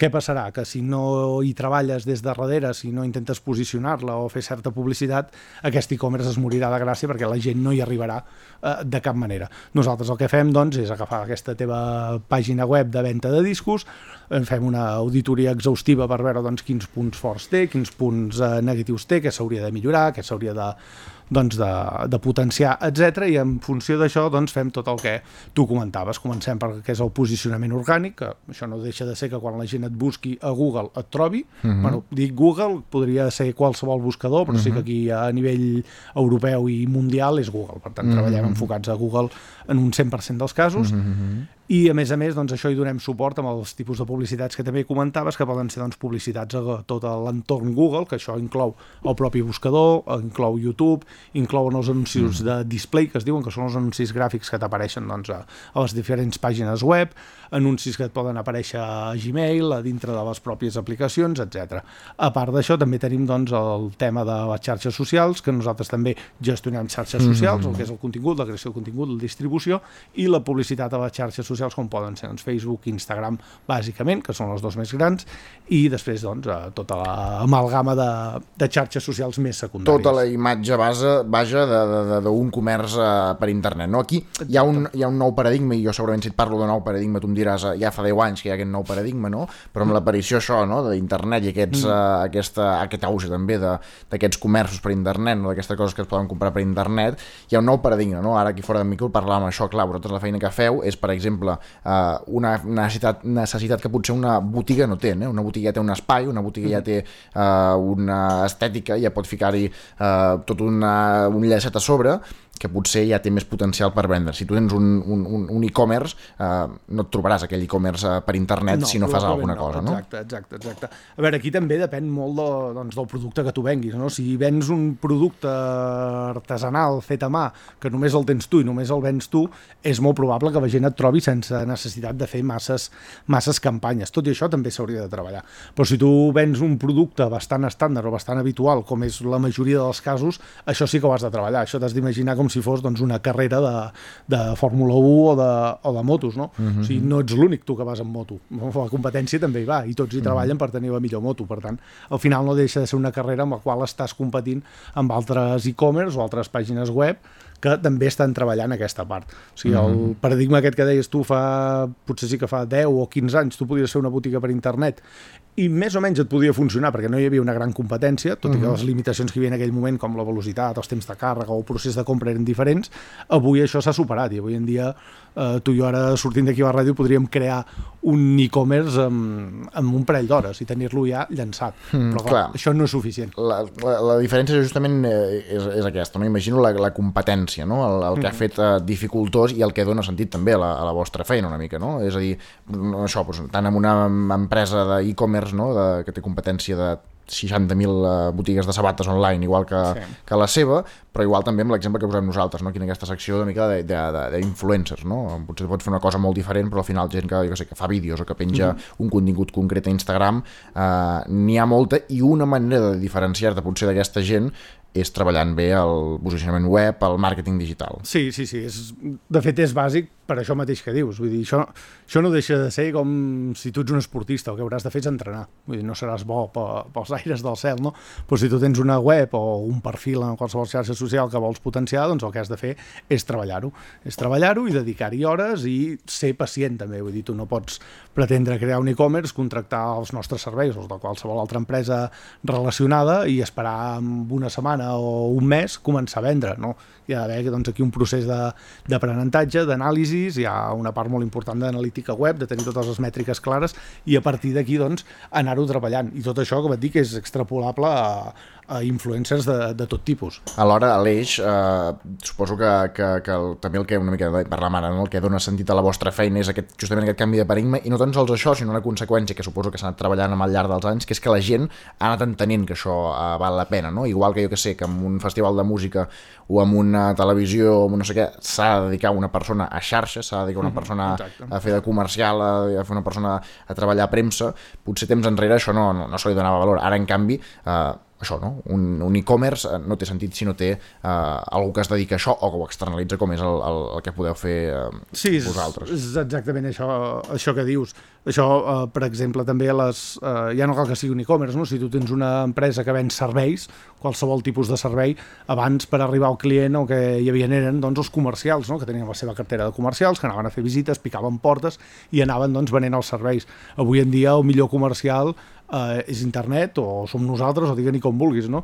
que és que l'usuari et busqui. O sigui, és bastant més fàcil que l'usuari et busqui i et trobi que no tu haver-lo d'anar a buscar. Mhm. Per tant, és important que quan aquest usuari et busqui, tu estiguis allà, perquè l'usuari que t'està buscant és algú que ja té la necessitat. O sigui, no l'has d'anar a Mhm. buscar tu, sinó que és algú que t'està buscant exacte. per comprar-te. Justament això, no? I aquest, aquest, tornem, eh? aquest canvi de, de paradigma, aquesta pedagogia que s'ha anat fent al llarg dels anys amb el mateix de curs de l'activitat econòmica i dels Mhm. comerços i de la competència, el que ha fet que això, que la gent ho acabi d'entendre. No sé si encara en alguns aspectes falta més pedagogia perquè la gent ho acabi d'entendre més, o, i al contrari, mirant més enllà, um, hi ha algun eh, perill, no sé, per exemple, ara se m'acudeix, no? que, que eh, els anuncis de Google cada cop ho estan fent més pedagògic perquè tu mateix puguis tirar endavant el teu e-commerce, no? Algunes empreses de, de web, de, no sé, ara se m'acudeixen el Bix, el, el, Sí, el sí. Ionos, això ja et tenen com un pack, et fem la web, et fem el- l'extensió de correu i et fem el, els anuncis i et fem les Sí, o, o igual també Facebook, no? Facebook Mm. té el, el Business Manager. Sí, que també et permet el mateix. El que passa que sí que necessites doncs, certs, certs coneixements perquè això funcioni. De fet, Mhm. Google va treure fa poc bueno, fa poc, fa un temps, el que es deia Google AdWords Express, que era perquè tu t'ho poguessis fer directament, sense intermediaris. Aquesta eina l'han acabat traient, ja no està Mhm. activa perquè era un, era un pou de calés i la gent hi va haver moltes queixes doncs, de, de gent que posava calés per fer els anuncis, però clar, eren gent que no era experta en aquest tema, ells feien els anuncis amb el seu criteri, després resulta doncs, que hi havia molts punts que no es tenien en compte o que no, per, pel simple fet de no haver-ho fet mai, no sabies com s'havien de fer i el que passava era que et llançaves els diners. Això pot haver-hi el risc que en un temps això doncs, eh, ho vagin simplificant de manera que la nostra feina no sigui necessària. Sí, pot ser-hi, però nosaltres sempre tindrem el, el know-how, el que deies de les paraules Mhm. en anglès, no? sempre tindrem el, el coneixement adquirit de tots aquests anys previs i si a mi m'entra doncs, un e-commerce d'un sector concret que ja hem portat varis clients, doncs ràpidament sé més o menys per on enfocar-ho i per on tirar. Mhm. Si tu fas tu ho acabaràs fent bé? Mm, És molt probable. El que passa és que el temps que necessitaràs perquè això et funcioni serà molt superior al que necessitaria doncs, una empresa com la nostra. Per tant, hauries Mhm. de fer... És tan senzill com fer una resta, no? M'interessa fer Mhm. aquesta inversió i fer-m'ho jo o m'interessa més pagar algú perquè m'ho faci i que el retorn sigui més immediat. És Clar, una clar, mica posar-ho en una balança, no? Sí que existeix aquest risc entre cometes, però mm, sempre hi haurà d'haver professionals o Clar, clar, consultories o assessors, diguem com vulguis, que donin un, un petit cop de mà. I Aleix, mirant endavant, eh, entenc que, que hi ha una, un dels riscos, un dels perills, tu quan, form, quan eh, obres 9 de 10 la teva empresa que us dediqueu a això, suposo que ja saps, no, que, o, bueno, m'ho confirmes tu, que això és un sector que canvia, no? és un sector que canvia, ara que ha canviat de paradigma, segur que d'aquí 5 anys ho canvia, d'aquí 10 encara més, i potser d'aquí 15 la vostra Sí, feina sí, no serà- té cap mena de sentit. serà no? completament diferent. De quina, quines pors teniu vosaltres o, quin, o cap on va això? A veure, nosaltres tenim... O sigui, això eh, s'hi pot donar... El que dius és cert, però també s'hi pot donar la volta, no? Nosaltres estem a dia a dia treballant amb això, de manera que som els primers en assabentar-nos dels canvis, també. I, per tant, som els primers en implementar-los, en fer proves i en estar al dia. Per tant, el que podria ser, doncs, eh, eh, això que dius tu, no? Una, un problema s'acaba convertint en un avantatge perquè et dona aquest, aquest pas endavant que no té doncs, l'usuari ras que suporta ell, ell pel seu propi compte. Sí que és cert que és molt diferent de quan vaig començar, jo ara per exemple amb Google AdWords fa pràcticament 10 o 11 anys que m'hi estic dedicant i la feina ha canviat completament, no té res a veure el que era abans amb el que és ara. Tot i això, doncs, és això, ens hem anat adaptant i Google el que està fent també, en certa manera, és potenciar una mica la figura de gent com nosaltres que fa temps que s'hi està dedicant, perquè hi gent que ja ho coneix, hi gent que ja sap on està tot, Mhm. és gent que doncs, ho troba ràpid i et pot posar en marxa una campanya amb això, amb un dia o dos, mentre que Mhm. pel teu compte, doncs, això necessites un aprenentatge, un aprenentatge previ. Això, si em permets, l'exemple és una mica com el Photoshop, que és un programa que coneix tothom, no? Tothom, qui més qui menys, es veu un cor de fer servir el Photoshop. Mhm. Què passa, però? Que el Photoshop deuen anar per la versió, jo què sé, 25 o 30 aquesta eina té doncs, tot d'elements i característiques heredades de les antigues versions que si tu no has estat al dia a dia segurament no les saps. Un Mhm. dissenyador un, o una, una persona especialitzada en Photoshop et farà doncs, un, t'oferirà uns resultats molt més bons dels que tu puguis assolir començant de zero amb el programa versió 25, perquè Mhm. doncs, l'altre té doncs, tots aquests coneixements adquirits. En aquest Clar, clar, sentit, clar. no, en aquest sentit no em faria patir tant, sí que bueno, doncs hi ha aquí, per exemple, l'efecte Amazon. No? Amazon ha canviat els e-commerce tots 100% i això sí que era algo imprevist, tal com ha passat amb Amazon, pot ser que en 10 anys doncs, hi hagi un canvi. Tant de bo sapigués quin canvi ens ha de venir en 10 anys. Eh? Clar, clar, al final això d'anar anar sabent, no? Una cosa tan estúpida com que la gent entengui que si tu vols un bon tall de cabells vas a una perruqueria, si vols una bona, bon- una bona paret a casa tru- truques al paleta i vols una bona publicitat i un bon funcionament eh, a nivell de posicionament del teu negoci online, doncs us, us truquen a, a vosaltres o a algú com vosaltres. Jo Sí. vull fer una pregunta, Aleix. Digue'm. Vosaltres, eh, parlaves al principi, eh, us encarregueu aquest posicionament web de les, buscadors a Mhm. Google, dels anuncis al mateix uh, Google, suposo que diferents banners a diferents Sí. uh, webs, xarxes socials, anuncis a xarxes socials. Mhm. Hi ha una cosa aquesta que fa molta por, que és que quan tu, jo per exemple, ara no sé, ara parlo amb, amb, amb el meu company ara aquí mentre fem una cervesa, que hòstia, que em ve de gust eh, per la temporada que ve comprar-me uns esquisos i llavors Sí, estàs una setmana que t'apareixen tan sols anuncis d'esquisos, Sí, no? sí, I jo no sí. he fet ni cap, ni cap cerca a Google, i si la fas la cerca, no són una setmana que t'apareixen, t'apareixen tres setmanes, Sí. i t'apareix fins i tot quan vas al perfil de Facebook de la teva àvia. Aquí- Això ho feu vosaltres també? Sí, aquí hi hauria... Sí que hi ha diferents, uh, diferents conceptes amb el que tu dius. Això és el que es diu un remarketing. No? Que és que una persona que saps que està interessada en un producte concret, en aquest cas, com has dit, esquís, ja sigui perquè doncs, ho ha buscat, perquè ho ha consultat, per qualsevol informació, doncs nosaltres tenim aquestes dades, esteu dintre d'un saquet no? de gent que vi interessa doncs, el material esportiu d'alta muntanya, per exemple. Nosaltres això hi tenim accés, són bases de dades de Google i després el que fem són matxacar-te amb Vosaltres tu. pagueu a Google perquè us donin aquestes dades? Com va dintre, això? Dintre del propi AdWords, o sigui, quan tu pagues AdWords pels anuncis, tu pagues per clic. O sigui, cada clic que reps el pagues. Dintre d'aquest clic s'entén que ja hi ha doncs, tot el, totes les eines que Google et pot facilitar, o sigui, no s'ha de pagar part. I després nosaltres fo- focalitzem aquests anuncis concrets, per exemple, d'esquís, doncs amb gent interessada en, en l'alta muntanya, en esports de muntanya, esports d'hivern, etc. O sigui que nosaltres en gran part som els culpables d'això que tu dius. L'altre tema que hi ha és com aconsegueix Google aquesta informació. Aquí, bueno, mm. Mm. això és un pèl més discutible. Jo no estic en contra, eh? En No t'ho absolut. no t'ho deixen dir, no? Et matarien. Uh, bueno, no, no, és que jo tampoc ho sé, eh? Però clar, aquí tu has de pensar que quan tu fas una búsqueda a Google, aquesta búsqueda es registra a Google. Google té doncs, les teves dades. Ningú es preocupa avui en dia perquè Google emmagatzemi el que busca la gent. Però sí que ara sembla que la gent es preocupa quan tu fas una búsqueda de veu amb el Siri o amb el, amb el gestor de Google, que ara no recordo el nom, no? dius, oh, és que jo havia preguntat... Cortana. A Cortana, exacte. Jo havia preguntat a la Cortana o al Siri que em busqués una botiga d'esquís i ara em surten anuncis d'esquís. Bueno, esclar, no deixa de ser una búsqueda de veu. El que fas a internet, a buscadors, una búsqueda de text, mm. això és una búsqueda de veu. A ulls de Google és exactament el mateix, s'arxiva igualment. Aquí hi hauria la fina línia aquesta de si els mòbils ens escolten, no ens escolten, en quin punt està. Això Google no ha estat mai transparent, ni Facebook tampoc, i Vale, diferents proves de tot, gent que ha fet proves i que havia sortit que sí, gent que no. Recordo que Eh, fa un temps sortia la notícia que, no sé si era Canal Plus o el, el, el nom que tingui Sí. ara, eh, per detectar doncs, els bars en els quals posaven Sí. el Canal Plus i el futbol sense pagar la seva llicència de, de, Sí. de, de bar, l'aplicació de la Liga. l'aplicació de la Liga o no sé Sí. quina aplicació, tenien el micro obert de la gent i podien Sí. escoltar quan doncs, Sí, en, sí, sí, sí, en sí, un sí. lloc celebraven un gol no? i estaven, en, en, segons el Google Maps, en un bar, Mhm. llavors els anaven i els trincaven. Això, Sí, això... sí, no, això va córrer i era, i era cert. I aquí hi hauria l'altre punt, no? Quan tu tens el mòbil avui en dia, que tothom té smartphones, eh, o sigui, la pregunta te la faig jo ara amb tu, no? De totes les aplicacions que tens instal·lada al mòbil, t'has llegit eh, l'aviso legal o términos i condiciones d'alguna aplicació? Mm, Segurament no. Ni, ni una, ni una. Segurament la majoria d'aquestes aplicacions doncs, ja ho tenen, ho tenen detallat, perquè per llei s'ha de tenir detallat. Hi havia ara el, Doncs, el, el, el drama aquest també que es va fer viral, no? del FaceApp, Eh, l'app aquesta que exacte. semblava que venia dades a un servidor Sí. més o menys desconegut rus.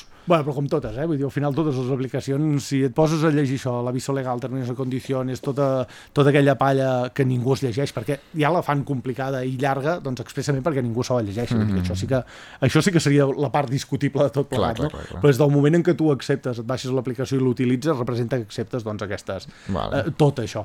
Si Clar, ja el FaceApp es va fer molt gros perquè l'aplicació va tenir molt boom. Si no hagués tingut tant boom, hagués passat com una aplicació més, com tantes d'altres esclar, que t'agafen dades. Vull dir que al final, eh, al D'acord. final l'usuari mm, inconscientment ho acaba acceptant. Aleix, ja per anar acabant, volia fer-te un, Sí. un parell de preguntes pràctiques, un parell de, de, de, de seccions pràctiques perquè ens puguis ajudar. No? Parlàvem això, al principi presentàvem com eh, doncs no, una, una, una persona que després de que hagin vingut per aquesta secció diferents eh, influencers, Instagrams, que tenen projectes doncs, de- d'això, de, negoci o de no tant negoci, en tot cas de visibilitat a internet, i vosaltres presentàvem a vosaltres eh, i la, tu, a tu i la teva empresa com a agents que podeu fer, entre cometes, possible això. No? Ara, per exemple, amb un exemple concret, ens va venir aquí la Ingrid Moreno, sí amb la seva pàgina More Than Delicious, que té una pàgina uh, d'Instagram on hi penja doncs, receptes i continguts en relació al, al menjar celíac, no? Mhm. difusió també de- d'on es poden comprar, sortejos, etc etc. Per exemple, tu ara et ve, us ve la, la, un, un projecte, o en aquest, en aquest cas com el projecte de la, de la Ingrid. l'Ingrid, sí. Què, què, què li dieu? Que, que, per créixer? Quins trucs? Que, com, com comencem? Bé, d'entrada, el primer que hauríem de tenir en compte, que serviria per l'Ingrid i per tothom qui... Bueno, l'Ingrid perquè ja està relativament consolidada, no? ja es podria començar a considerar doncs, un influencer de, eh, de veritat, com aquell qui diu. El primer que s'ha recomanar tant amb ella com amb qualsevol que coneixis que això és algo que pot ser efímer, és dir, pot, eh, l'influencer, la figura de l'influencer pot durar poc, i és algo que s'ha de ser pacient i constant, que és el que dèiem abans. Això abans de començar nosaltres a fer cap projecte i començar a fer res. Tu has de ser constant, no pots pretendre actualitzar un cop cada mes o de manera molt poc regular i pretendre doncs, tenir, tenir seguidors, tenir likes, etc. Segon, en el cas de l'Ingrid concret, el que nosaltres recomanaríem seria que no posés tota... O sigui, allò típic de posar totes les pomes al mateix cistell, no? Doncs que no ho focalitzés tot amb Instagram. Per què? Perquè Instagram està començant a canviar la, la normativa i ja en alguns països ja ha començat a treure, per exemple, el número de likes. Uh -huh. De manera que quan tu fas una publicació no veus els likes que té aquella publicació. Això pels influencers que viuen d'Instagram, i no parlo de l'Ingrid concreta perquè segurament encara no deu viure d'això, no? però sí que, per exemple, aquestes grans a nivell espanyol, com poden ser una Dulceida, una Paula Gonu, una Escanes, aquestes que viuen exclusivament d'Instagram, això els hi pot complicar molt la vida. Uh -huh. Perquè si tu no pots veure els likes, l'empresa que amb tu et paga uh, per fer publicitat de X marca, mm, veurem com et paga a partir d'ara, mm -hmm. perquè clar, Mhm. no, no sabrà exactament uh, quin abast té aquesta, aquesta publicació. Per tant, sí que vi recomanaríem doncs, de fer una inversió en YouTube, per exemple, que YouTube mm -hmm. és un Mhm. canal de Google que sabem molt clar com funciona i sabem com pot tenir el retorn, en aquest Mhm. cas. Després procediríem doncs, a fer una mica d'anàlisi de tota la competència. Segur que hi ha competència del seu entorn, s'hauria de veure doncs, què estan publicant, què estan fent, com ho estan enfocant, per nosaltres extreure idees. Mhm. Això no és copiar, sinó que és doncs, agafar idees doncs, de, diferents, de diferents projectes. A partir d'aquí faríem un pla estratègic doncs, de diferents publicacions que s'hagin de fer, amb una regularitat acordada, amb el tipus de contingut, etc. Mhm. Paral·lelament, si s'ha obert un canal de YouTube, doncs faríem exactament el mateix, no? aquesta regularitat que et comento, quin tipus de contingut i com enfocar-lo. Mhm. Al marge d'això, doncs, el que et deia, YouTube, ser pacient, a YouTube es considera, o almenys abans es deia, que cobres normalment un euro per cada mil visites. Que un vídeo tingui mil visites és complicat. I estem parlant d'un euro. Vull dir que si un vídeo per tu ha tingut 10.000 visites, que serà una borrada vol dir que cobraràs 10 euros. Això no et permet viure d'aquí. Per tant, tenim clar que YouTube serà, serà complicat de tirar endavant, a part que YouTube té moltes més limitacions que, que el que és Instagram. I com a tercer pilar el que hauríem de fer seria contactar amb alguna agència, que ja n'hi ha bastantes també, dedicades al que és brand content, que és con, doncs, eh, contingut de marca, Mhm. per tal de que... dissenyar una estètica o un- Exacte, I, i no, i també fan, o sigui, no, i sí, també fan a part la gestió de contactar amb empreses que busquen doncs, uh, publicitat per influencers. Per exemple, posarem un exemple que no ofendrà ningú, no? Coca-Cola. Jo sóc representant de Coca-Cola i vull fer una campanya amb diferents influencers. Doncs hi ha agències que posen en contacte el que és l'influencer amb la- amb l'empresa de Coca-Cola a Espanya. Després gestionen aquesta publicitat. La majoria d'influencers d'Instagram viuen, no viuen d'Instagram, sinó que viuen de la publicitat que els hi genera aquest Instagram, Mm. doncs de diferents marques que contracten els seus serveis. Mhm. Mentre que youtubers, mm, eh, masculí i en femení, viuen sobretot de la publicitat que els genera YouTube. Molt bé.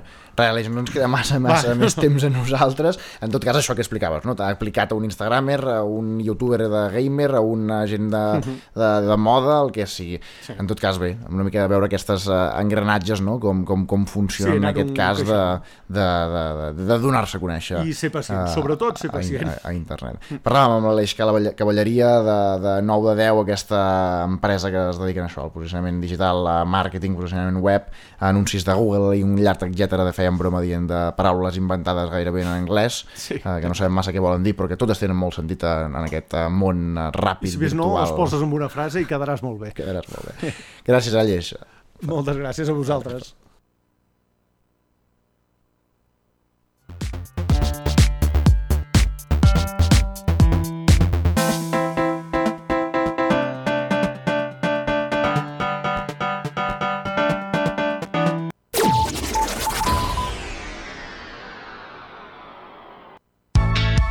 Del 29 d'agost a l'1 de setembre torna l'acústica de Figueres. 8 escenaris i 40 concerts amb Fangoria, Oques Grasses, Zoo, Buos, Iseo Andodo Sound, Dorian, Su, Lil Dami, Ramon Miravet i molts més. Amb Food Trucks, Market, Walk Street. Més info a festivalacústica.cat amb la col·laboració d'Estrella Damm.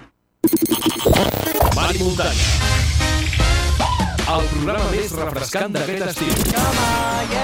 Mari Muntanya en directe, 12 a 1 del matí. Un programa de Ràdio Escala, La Veu de Sant Joan, Ràdio Salrà i Ràdio Vilafant. Doncs nosaltres ens hi tornem a posar interessant aquesta entrevista que ha fet el nostre company Guillem Planagumà de, doncs això, de com posicionar-nos a internet. Eh? Interessant aquests consells que ens hem apuntat tots plegats a, a l'agenda. Anem a...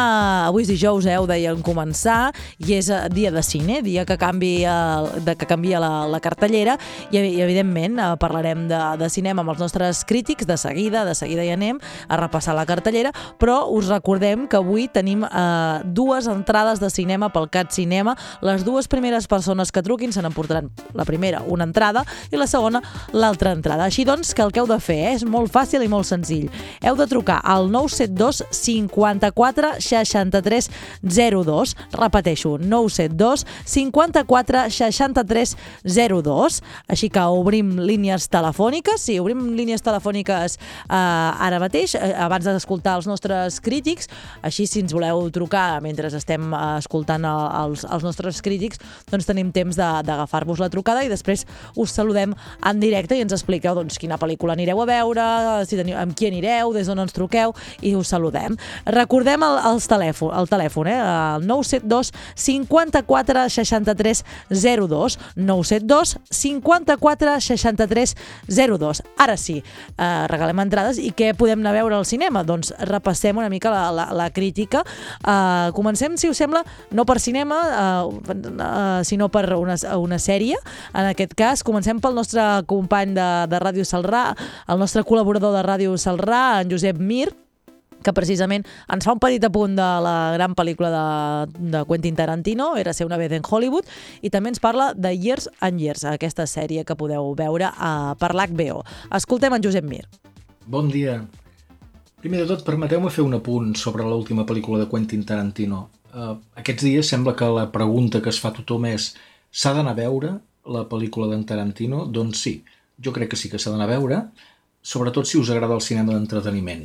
I no només perquè aquesta és una pel·lícula d'entreteniment, sinó perquè és com un gran homenatge a tot aquell cinema d'entreteniment de diumenge a la tarda que va omplir tant les hores de la nostra infantesa i adolescència un cinema que, com és ben sabut, a Tarantino li encanta.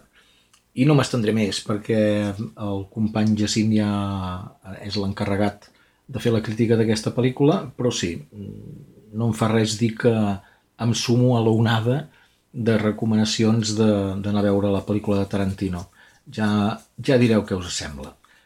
El, canviant de tema, el que voldria avui és recomanar-vos una sèrie de televisió que està disponible a la plataforma HBO. Aquesta sèrie és Years and Years, una sàtira política escrita per Russell T. Davis, un, un escriptor anglès, un guionista anglès que si és conegut per alguna cosa i si passarà a la posteritat per alguna cosa és per haver estat el guionista que va ressuscitar el personatge de Doctor Who l'any 2005.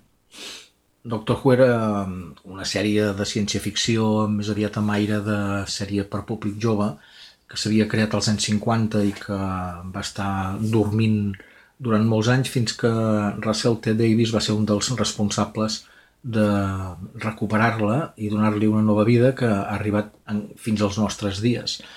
Doncs Russell T. Davis ara ens ofereix una cosa completament diferent, o no tant, en aquesta Years and Years, allò que en diuen una distòpia, una, una història que entre la ciència-ficció, la política-ficció i la realitat més crua ens parla de cap a on pot anar el món i concretament Gran Bretanya a partir d'avui fins 15 anys més endavant i la cosa no pot pintar pitjor. Imagineu-vos un segon mandat de Donald Trump, l'enduriment de la guerra comercial entre Estats Units i la Xina, l'agreujament de les crisis de refugiats a tot el món, eh, l'auge de l'extrema dreta tant a Europa com a, a la resta de continents d'una manera imparable, d'acord, direu, i tot això que té de ciència-ficció, si és el que veiem cada dia a les notícies. Doncs aquest és precisament el mèrit que té Years and Years, que ens ofereix com a punt de partida la realitat d'avui mateix i ens porta en aquest futur més immediat d'una manera francament aterridora. Eh, i ho fa amb un ritme implacable que ens deixa clavats a la butaca en només sis episodis d'una hora cada un que fa que cada vegada ens costi pair cada un d'aquests capítols per abans de poder veure el següent.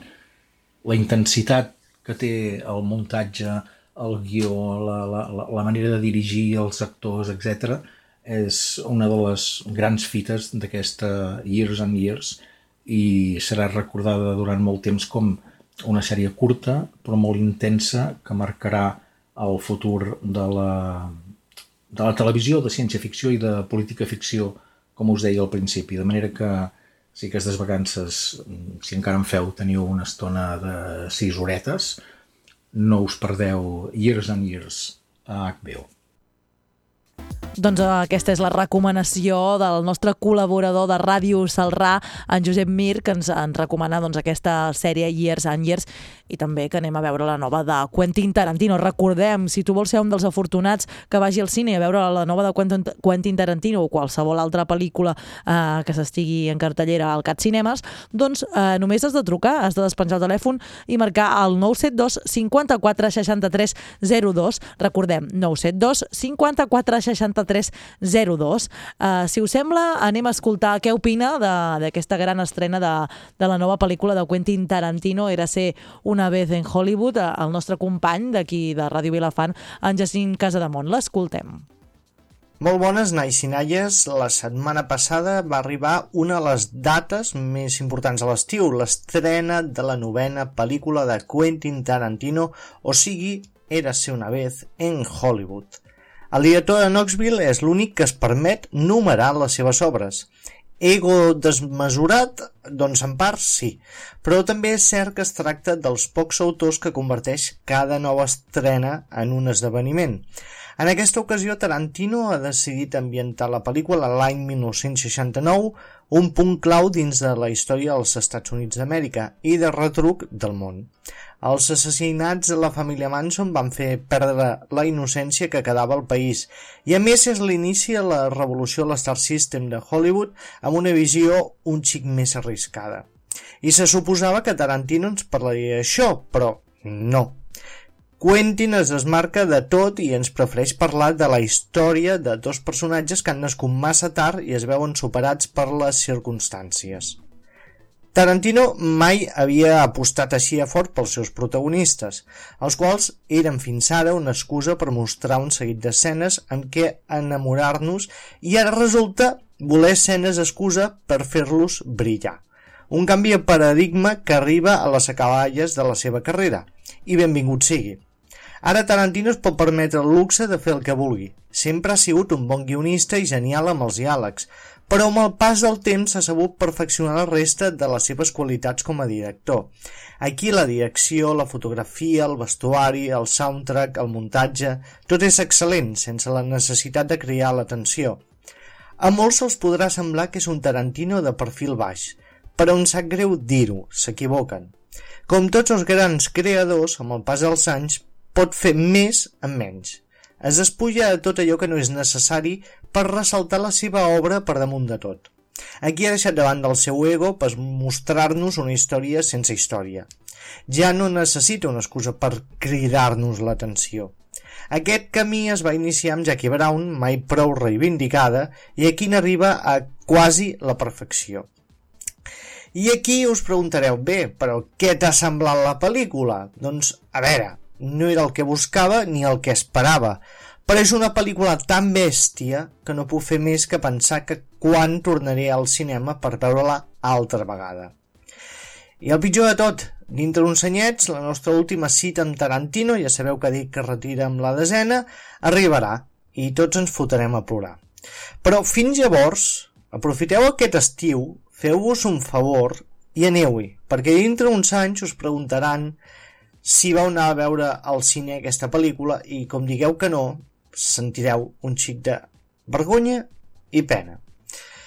I bé, la setmana que ve una nova pel·lícula, suposo que sense ser tan sèrio tot plegat, però que segur que es tractarà de gaudir-ho molt. Fins la setmana vinent.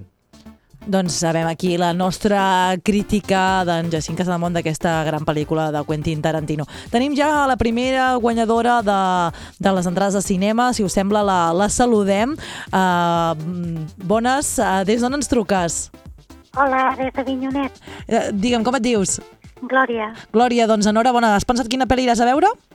Mira, no, no ho he pensat, ho, ho he de mirar encara. Perfecte, doncs moltíssimes gràcies. No pengis que de seguida el nostre company Víctor Grau et pren les dades per poder uh, recollir aquesta entrada i mira, si et, volem, et donem alguna idea, si segueixes escoltant el programa, doncs escoltes el nostre crític de, de Ràdio L'Escala, l'último crítico, i potser tindrà alguna idea. Gràcies. Potser sí, gràcies. Doncs això, fem això, escoltem a l'último crítico des de Ràdio L'Escala per donar idees doncs, a la Glòria, que ens ha trucat i ha guanyat aquesta entrada, que tu també ho pots fer, ho pots trucar al 972 54 63 02, 972 54 63 02.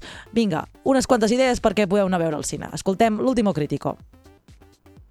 Hola, muy buenas, soy el último crítico y hoy vengo a hablaros de los estados de cartelera que pertenecerán hasta el 23 de agosto, aparte de una pequeña crítica, como todos los jueves. Empezamos con el primer estreno de esta semana, y si el día 9 de agosto nos llegó la secuela de Mascotas, en esta ocasión nos llega este viernes la secuela de Angry Birds, basada en el popular videojuego de móviles. En esta nueva aventura, tanto los cerdos como los pájaros tendrán que aunar sus fuerzas para hacer frente a Z. Z ha venido desde su isla helada en busca de un lugar más cómodo para vivir, pero su llegada está a punto de poner la vida de Red, Chuck, Bomb, Leonard y compañía patas arriba. Como he comentado, esta es una secuela de la película Angry Birds, es de animación para niños y adultos. La primera funcionó bastante bien en taquilla, pero esta parece ser que no está teniendo tanto éxito en la taquilla americana, así que tendrá que esperar a ver qué hace en la taquilla internacional para ver si realmente ha valido la pena esta película o es un puff más que solo aprovecha el rebufo del verano para llenar las salas de niños.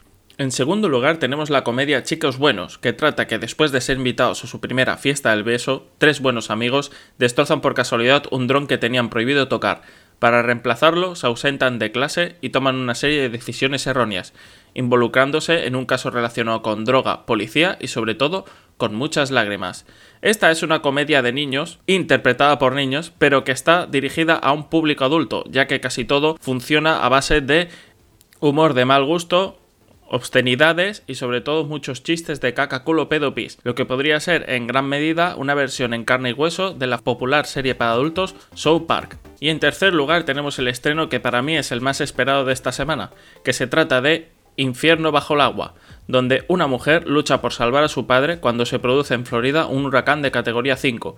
Sin embargo, mientras ambos tratan de huir, la tormenta les deja encerrados dentro de una casa que se inunda y en la que tendrán que hacer frente a una legión de salvajes depredadores. Una película con una premisa simple pero efectiva. Además, tenemos como bonus que Alexandra Ya, director del remake de Las colinas tienen ojo, además de que ya tiene cogido por la mano un poco el tema del terror acuático, ya que también hizo un remake o versión libre de la película Piraña, que se tituló Piraña 3D. Así que para mí esta va a ser la película elegida para ver este fin de semana. Esta semana, y alejándome un poco de lo que sería la tónica que sería criticar eh, la película de Quentin Tarantino Érase una vez en Hollywood, de la que solo puedo decir, por favor, vayan a verla si realmente les gusta el cine y lo aman, en esta ocasión pienso criticar la película A 47 metros 2. En esta secuela sigue a un grupo de chicas en busca de aventuras en Costa Recife. Con la esperanza de salir del rutinario sendero turístico, las chicas escuchan algo acerca de unas ruinas submarinas ocultas, pero descubren que, bajo las olas turquesas, su Atlantis secreta no está completamente deshabitada. En 2017, una pequeña película protagonizada por Mandy Moore y Clay Hort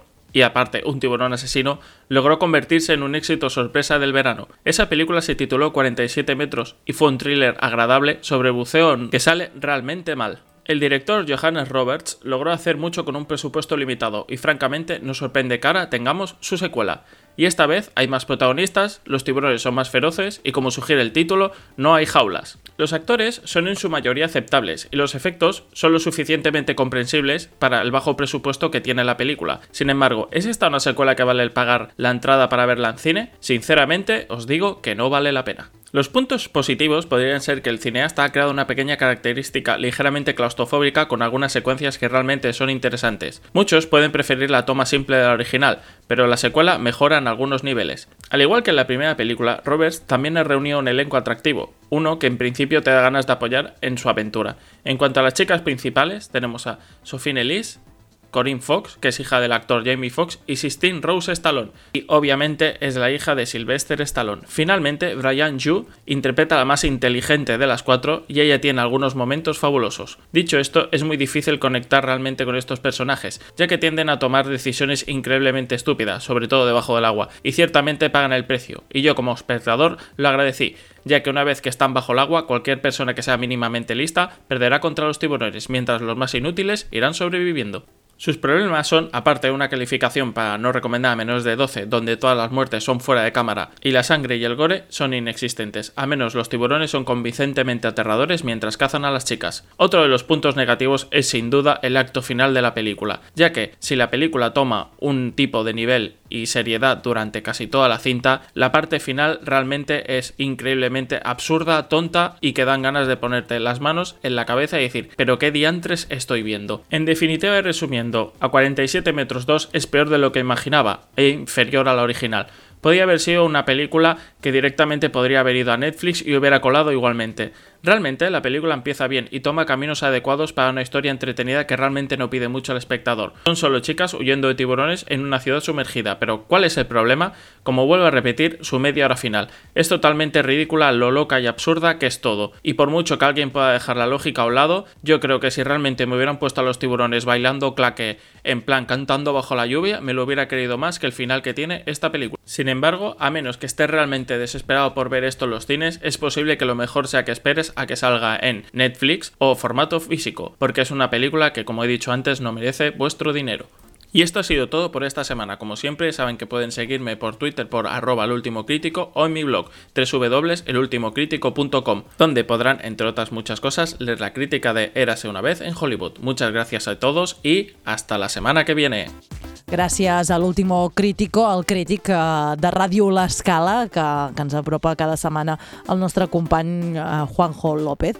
Eh, recordem eh, que tenim ja una guanyadora, o sigui que ens queda encara una entrada més per anar al Cat Cinemes. Si tu vols anar a veure doncs, aquesta pel·lícula que ens acaba d'explicar l'último crítico, o prefereixes anar a veure la nova de Tarantino, o la d'Angry Birds, o qualsevol de les que s'estrena eh, aquí al Cat Cinema, eh, doncs només has d'agafar el telèfon i trucar-nos al 972 54 63 02. Repetim, 972 54 63 02. Ben fàcil. Ens truques, et saludem i ens expliques quina pel·lícula tens pensada anar. Tenim un bonus track d'en Jacint avui, del nostre crític de ràdio Vilafant, ja que la setmana passada també se va anar al cinema, ja que no vam tenir programa, doncs eh, també ens va fer la, la crítica de Històries de Miedo para contar en la oscuridad. Si us sembla, l'escoltem. Molt bones, amics i amigues, històries de miedo para contar en la oscuridad. És una adaptació a la gran pantalla d'un llibre de relats de terror mític als Estats Units, no sols degut a la seva prosa, sinó per les il·lustracions que l'acompanyaven, d'un estil força peculiar e inquietant. Tot i que la producció és de Guillermo del Toro, realment qui dirigeix i s'agraeix és André Overdal, un dels autors més destacats del gènere actualment, responsable de, per exemple, la gran L'autòpsia de Jane Doe. Aquest, tot i que treballant amb un llibre plegat de tòpics, sap dotar de personalitat a la pel·lícula a través d'una direcció molt treballada per ser fluida i abordant de fons temes força complexos. Quatre adolescents l'any 1968 descobreixen un llibre on apareixen relats escrits en sang on ells mateixos resulten ser-ne els protagonistes. Tot el que ja es narri acaba succeint a la realitat en resultats doncs, mortals. Ja veieu, res nou sota el sol. Us pot recordar Stranger Things, a It o Pesadillas de R.L. Stein. I no és casualitat, ja us ho dic jo. Però el director sap dotar de personalitat als protagonistes, a través d'un retrat proper i ple de detalls. A més, un treball de fotografia excel·lent i recreació històrica genial que acaben de reforçar el seu verisme. Atenció a part mereixen els éssers monstruosos apareguts, que respecten el disseny original i que per si sols aconsegueixen una mica gelar-te la sang. Però bé, aquí tampoc tot és perfecte, també s'ha de dir. I quan els seus responsables no saben desmarcar-se dels tòpics, s'enfanquen en situacions i clixés que resten part de la força aconseguida fins al moment. El cert és que el seu inici és per embarcar, però a mesura que arriba la resolució va perdent pistonada a l'apostar per camins trillats que ja ens avorreixen. Que duri quasi dues hores tampoc ajuda gaire.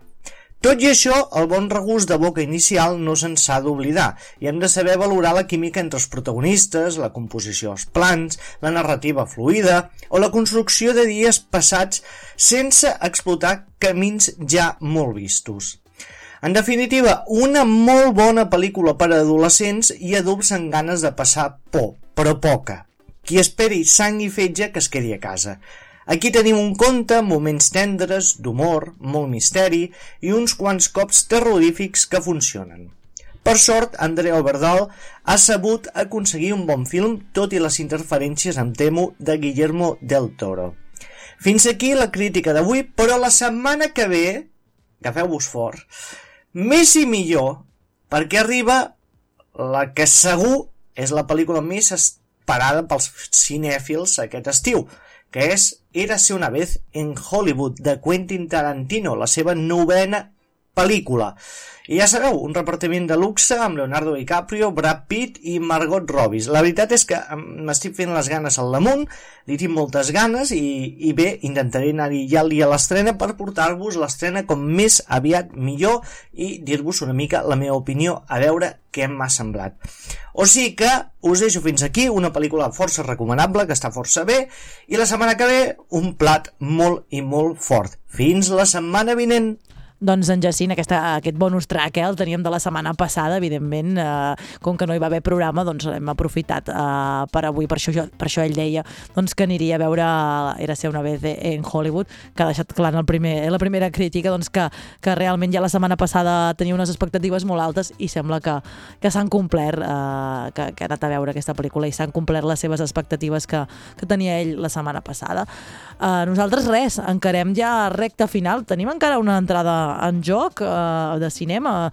Vinga, encara que acabem programa ja us la regalarem igualment. L'únic que heu de fer és 972 54 63 02, marcar aquest número que acabo de dir, el 972 54 63 02 i us regalem una entrada, així de fàcil. Vosaltres, nosaltres si posem l'entrada, vosaltres hi heu de posar les crispetes i anar a veure la pel·lícula. A veure, els nostres companys, en Juanjo López, tu tens ganes d'anar al cine o no? Juanjo, quina iries a veure? Jo vull anar a veure al cinema la d'en Quentin Tarantino perquè en sóc molt fan. El passa és que tinc amb aquest dubte que han comentat els nostres crítics de que hi ha gent que demana si s'ha d'anar a veure o no s'ha d'anar a veure perquè el ser una pel·lícula d'unes 3 hores, pràcticament, perquè són 2 hores i 3 quarts. S'hi ha d'anar. Uf, Juanjo, s'hi ha d'anar, jo crec que s'hi ha d'anar. I si, que sí, I si els que ens estan escoltant uh, i volen anar, doncs ho tenen més fàcil que nosaltres. Poden trucar i els hi regalem l'entrada. Així doncs... Pensava que, no, pensava que anaves a dir, Mercè, Què? els que volen anar amb en Juanjo els hi regalem una entrada perquè vagin amb en Juanjo dic, Bé, si algú que ens està escoltant vol a guanyar una entrada i a més a més anar amb en Juanjo i gaudir de la seva presència, doncs ho arreglem. Només han de trucar al 972 54 63 02. Els hi estem oferint una entrada de cinema i a més a més la teva companyia. Què més volen? No es Soc pot desitjar res més. perquè no parlo a la pel·lícula. Jo miro la pel·lícula. No Perfecte, molestis. així m'agrada, Juanjo. Ens escoltem demà, Juanjo, des de Torroella de No, no, Montgrí, no, no? no, Ens demà veiem ens demà. veiem. Exacte, Demà exacte. ens És veiem, la no ens costum, és la costum de dir que ens escoltem. No, no, demà ens veiem a Torroella de Montgrí, a prop de, de l'escala, eh? Estarem bastant a prop de, demà a de Sausa. Casdeu. Perfecte. Doncs eh, gràcies per acompanyar-nos, demà ens veiem, Juanjo. I anem amb el nostre company Lluís. Adéu. Ja estàs de festa, Lluís, aquí a, a Bordils, no? Bé, jo, em sents? Ui. Sí, sí, tant que et sento. Que et volen robar Ah, el micròfon? Sí, quasi, quasi, quasi. No, no. Uh, bueno, hi havia la gent d'esmorzar en aquell moment i ara eh, doncs, eh, està tranquil fins al vespre que començarà tot. Perfecte, doncs gaudeix molt de la festa major de Bordils. No te'n vagis a dormir gaire tard, que demà ens veiem a Torroella de Montgrí, eh? Per fer el programa des d'allà. Demà seré a Torroella també, sí, sí. Perfecte, Llu- eh, Lluís, ens veiem, ens veiem demà a les cares.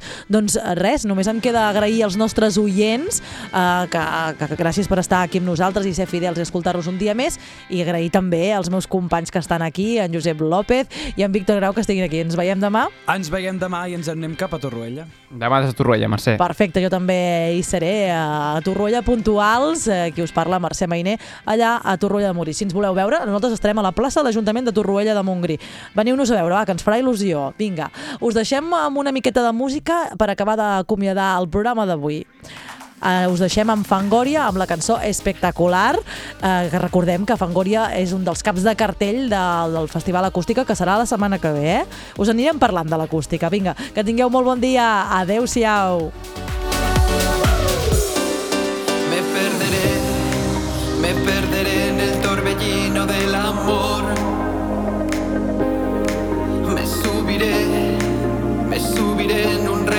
De color. Confundiré, confundiré lo que es el norte con el sur. Renegaré de ese pasado donde tú, tú dijiste adiós. Escaparé